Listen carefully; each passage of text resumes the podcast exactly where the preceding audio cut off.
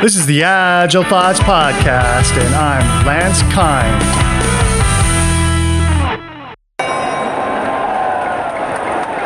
Safe, safe, safe, safe. Ladies and gentlemen, tonight, the main event.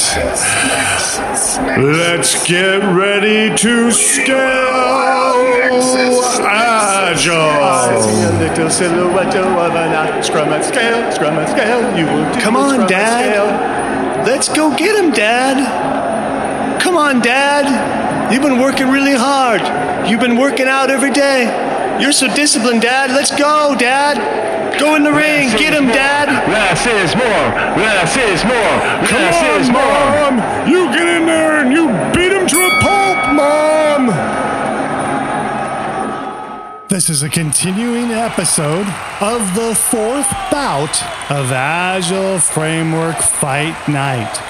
This fight night was hosted in Seattle by Beyond Agile, a meetup that you can find at meetups.com. Like the first Agile Framework Fight Night, we brought together another winning panel of experts who really want to win and represent their framework.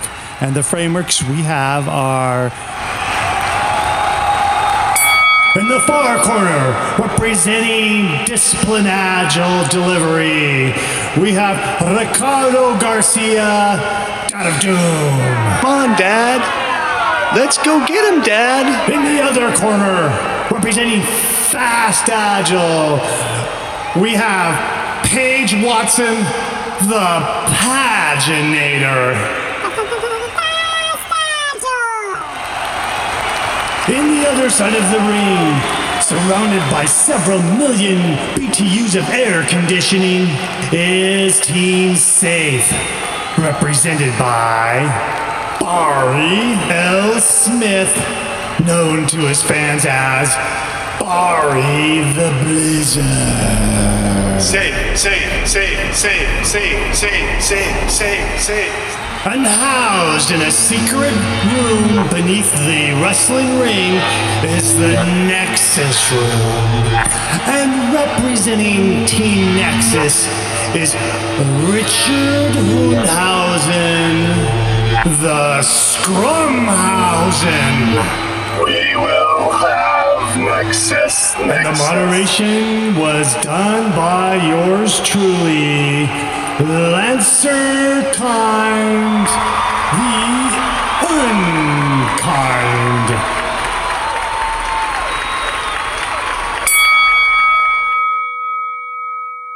Any questions from the audience? I think it's interesting to ask people what's the difference between the different, like Ricardo and Barry. I spent a lot, long time trying to figure out the difference between these two uh, frameworks, right?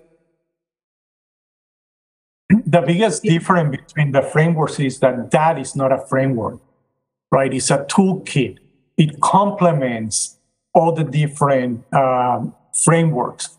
It helps you visualize areas that you have questions on. What are the pros and the cons? And that's what that is. It helps you identify those areas. So it's not one or the other. Actually, it's a com- complement between any framework. And it's like, I have a question about this. You can go to that and identify the different options and how that option works versus this. Doesn't impact the frameworks at all. It just complements. Come on, Dad. Let's go get him, Dad. Yeah, and I- I'll second that. You know, I I view Dad as a fabulous resource for experts. Safe, on the other hand, perhaps goes to the opposite extreme of attempting to help organizations by giving a more a larger degree of prescription and direction. What's funny is if you sort of take out, you know, the implementation roadmap and some of those, if you just look at the body of knowledge represented in SAFE, if you go go through, you know, the Scaled Agile Framework website, and Dad, they're largely complementary. The thing I'll give Dad is I love the decision making paradigm that they apply. You know, hey, here's an opportunity here's some things you can do. They do that. That aspect of dad is probably better than anything else that I can think of. Safe is a bit more like it's it's a bit more of a cookbook. Hey, you know, you want to make a souffle? Start here. I'll elaborate on a little bit more. Safe, safe, safe, safe, safe. Honestly, I think the the problem with safe. Uh, if I were to go back and coach Dean on how to accomplish what I honestly believe he was attempting to accomplish, I think it's the visualization. It's the placemat. Because as you you go to a a, a thank you, Allison.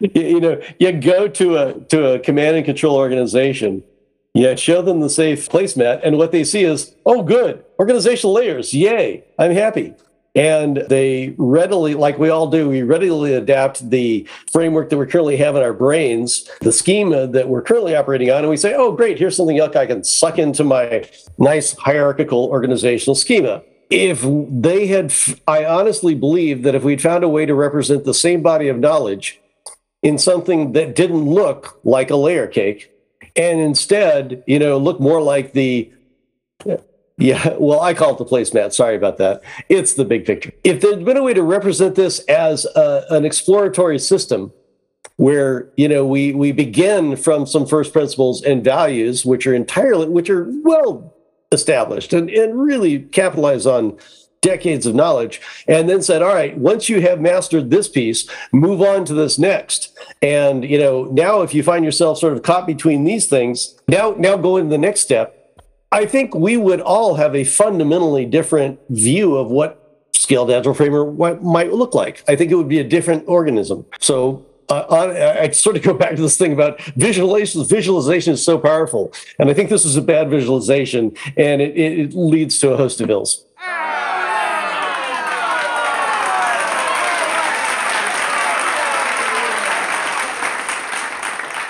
It also makes it really easy to to make fun of when you look at that giant thing.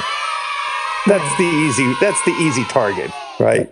One of my clients we were doing uh, like in my one of my coaching sessions with one of the leaders he, he can he uh, you know I, I, won't i won't uh, divulge any confidentiality but one of the things he said when they picked out safe was pretty much what barry just said is like you know they thought oh yeah you know we're an old an old utility company there we go this is us right here but what they didn't what they didn't understand is that even though you have this giant platform that has a lot of you know moving pieces and you know areas to it is that the change management associated with getting there. And nobody really pays attention to how disruptive it is to be agile but then when you're looking at implement, implementing safe before you're even ready to scale it's it's a boondoggle. And he finally said to me i didn't realize it was going to be this hard. Because safe came you know like with a little bow on it. And you know i wanted to reach through the the phone you know and go what were you thinking man? You know?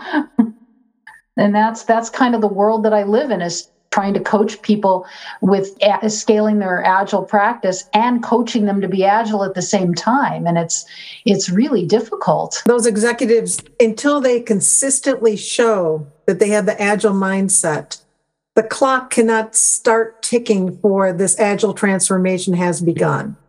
Yes. and that's the problem i see is we've been doing this six months. I've been doing this a year. Or all of a sudden they start getting some benefits of the agile because the teams are doing it, not them. And they, oh, we've done it. We're agile now. No. So. Allison, I, I, think you've absolutely called out the blind spot in all of these frameworks. Did which Chris is finish before we interrupted no, no, you? It's fine. It's fine. Go ahead. Go for it, Barry. Safe Smith. Yeah. all of these frameworks talk about a set of practices and really a, a, a, future state. They all have a blind spot when it comes to how do we get from where we are now until then. To pitch the company I work for now, my organization, one of the things that was fascinating is that I'm in the agile practice in managed services. You know, we go out and tell groups, here's how to transform, or let me let me build you a scrum team my organization, Insight Global, actually has a separate division called Compass Consulting, which was born out of the company's own cultural transformation. And all they do is talk about how to make change. and it's it's a change management consulting firm. And not surprisingly, once we started talking to those people, it's like, oh, well, you do what we do. They just don't like do it with a focus on sort of agility and software development. It's like, as people who are trying to change a company, here's things you need to know about how you change a company and how you change people. And we are much better that we have this group to rely on. And we now we bring them in everywhere from the team level launch to you know large scale organizational change. And that is a that is something that's absolutely missing from in any real manner from Scaled Agile Framework or any others as, as far as I've seen. And I believe that's a fundamental source of many of the troubles that we see. I, I agree. One one of the things that have happened at Costco is, and Barry, you you help us there. But at the beginning, there was. I will neither neither confirm nor deny. but we have tried so many times, and so many times we have failed. And I'm talking, Janet, not about our safe now because we have gained finally traction and going back to rational unified process that was uh, that complex. And the first implementation was all about artifacts right? So leadership thought well if we have artifacts we're going to be successful. Well that basically failed. Then with ibm they came back and it's like oh i have a toolkit. I have tools you know? And once again leadership came back and it's like, okay, so we're going to use the rational tools. Guess what? After millions of dollars going over the tools, it fails, right? So this has been an evolution of what happened. Then we have the lip services, right? We're going to do agile. And this is before our office of the coaches at Costco. And there was a tremendous gap that still happen. But finally, our leadership is putting the money where their mouth is and basically saying, here is a dedicated executive. Here is this office in which Janet is, Janet is the manager. And we have gained tremendous uh, traction, but we still have gaps. And one of the biggest one that is being addressed today is directors and managers. So we're the ham and the cheese in the sandwich and that is where the majority of uh, the transformation is uh, difficult, difficult for the team, difficult for our executive, because managers, we are not engaged or don't understand the agile practices. So it is a whole evolution on how the implementations happen. And going back into the leadership, until any company leadership fully engaged, transformation is basically very difficult uh, to achieve. Well, it's kind of, they think it's taking away their job because it is in a way. You know, all these managers leave the building, please. Like, why do we have all these managers? There's too many managers. Let the people work. The way I think of it myself is that it's like cooking, you know? I'm I love to cook. So I don't follow a recipe. My sister, she has those recipes. She tries it. You can't even eat her food. It's horrible because she's always following a recipe. She never tastes it as she cooks. I have no recipes. I have no measuring uh, cups. I just cook because I'm I'm I'm I, am i am in that mindset. I'm I'm I'm tasting it. I'm I'm doing it. It's the same thing with agile. You can have all these cookbooks of these frameworks, but if you're just following the recipe blind, it's not going to work. But if you are actually in the mindset of why are we doing uh, daily stand ups? Why are we trying to? Then it doesn't matter what framework you use, it's going to be, it's going to work.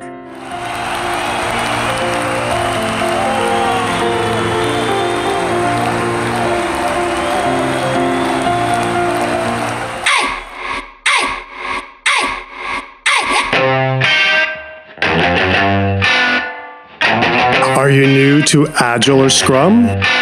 Looking for a fun way to pick up the knowledge to become an Agile team? Go get the novel Agile Noir. a dramatic novel about a project manager who needs to transform his teams to become agile because his life depends on it. This book is available in the US on Amazon, in India on Pothi.com. In China, it's available on my WeChat store. Links are in the show notes. This is the last episode of Agile Framework Fight Night Bout 4. The first episode started at episode 238. If you missed the other episodes of this series, go to your favorite search engine and type in Lancer Agile Thoughts Agile Framework Fight Night. If you're interested in hearing our other Agile Framework Fight Nights, go to the show notes, and there you will see links to bouts one, two, and three. What are show notes? If you're using a podcast player, show notes show up right in your player for your easy convenience. If you downloaded this MP3 from the website, go back to the website where you where you got it, and you will see the show notes on that page.